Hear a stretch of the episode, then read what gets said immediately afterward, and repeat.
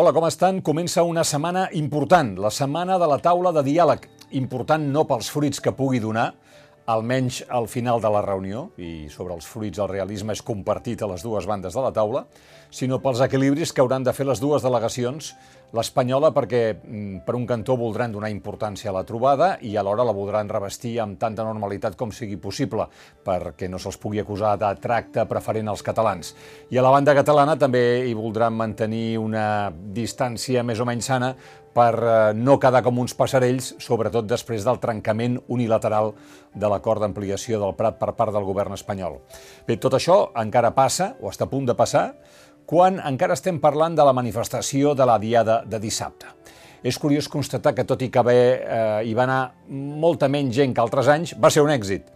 I va ser un èxit per raons òbvies. Eh, omplir Pau Claris i la Via Laietana eh, i el Passeig de Colom després de tants anys de desunió, de tanta repressió, de la pandèmia, amb tantes emergències socials eh, que s'han concentrat alhora, explica que l'independentisme no es resigna a esperar. Això sí, si la gent hagués tingut la impressió que una nova demostració multitudinària de força hauria enfortit la posició de la banda catalana de la taula de diàleg, no n'hi no hauria hagut prou amb el passeig de Gràcia. Però què passa? Doncs que els manifestants i els que altres anys s'havien manifestat i aquesta vegada no van baixar a Barcelona no se senten en vigílies de res que sigui transcendent, que estigui a punt de passar, on la seva presència hi pugui fer una diferència. Dissabte es palpava l'evidència que Sánchez no es molesta ni a fer veure que la taula li interessa i es va expressar el recel per les agendes pròpies dels tres grans partits independentistes. Però què vols? Si els partits van presentar-se a les eleccions demanant superar el 52% dels vots i van trigar tres mesos per tancar un acord de govern en temps de descompte.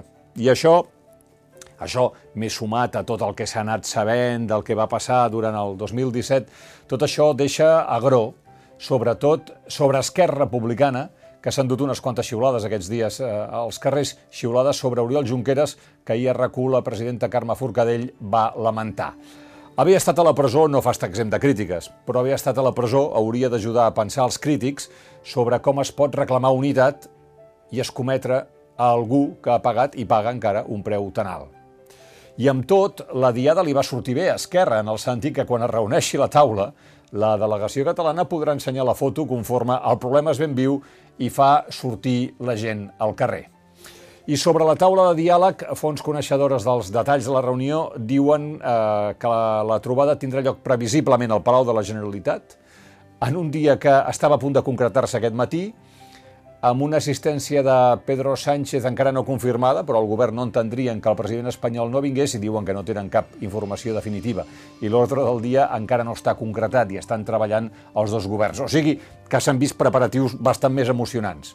Però com que per part espanyola la tàctica ho dirigeix tot i la part catalana són, de fet, dues parts, Esquerra i Junts, i les dues estan escaldades, o Sánchez anuncia que ve a Barcelona o la taula s'enfonsarà sota el pes de l'escepticisme que ja és molt gran. La Moncloa, mentrestant, es fa l'interessant perquè va dominant el tempo del relat de la reunió a comptagotes. Ahir, per exemple, el govern espanyol va explicar que la delegació espanyola hi seran la vicepresidenta segona, Yolanda Díaz, i el ministre d'Universitats, Manuel Castells, per la banda de Podem, i pel cantó socialista el ministre de la presidència, Félix Bolaños, la ministra de Política Territorial, eh, Isabel Rodríguez, i dos ministres del PSC, el de Cultura, Miquel Iceta, i la de Transports, Raquel Sánchez. Ho va explicar el mateix Bolaños en una entrevista a eldiario.es en què, malgrat tot, no va aclarir si Pedro Sánchez vindria. Notin que el govern espanyol ha volgut que, que sigui evident la presència catalana, eh? ha posat, és a dir, que hi ha catalans a banda i banda de la taula eh, per intentar fer triomfar la idea que la taula és un diàleg que ha d'ajudar al retrobament entre catalans, eh, que estan fracturats, mm, eh, ajudar a, a fer visible la idea que no hi ha una banda catalana i ni una d'espanyola, sinó que, mm, això, hi ha catalans a banda i banda. Així, enmig de tots aquests equilibris, comença la setmana. Un record pels exiliats i pels represaliats i que tinguem un bon dia.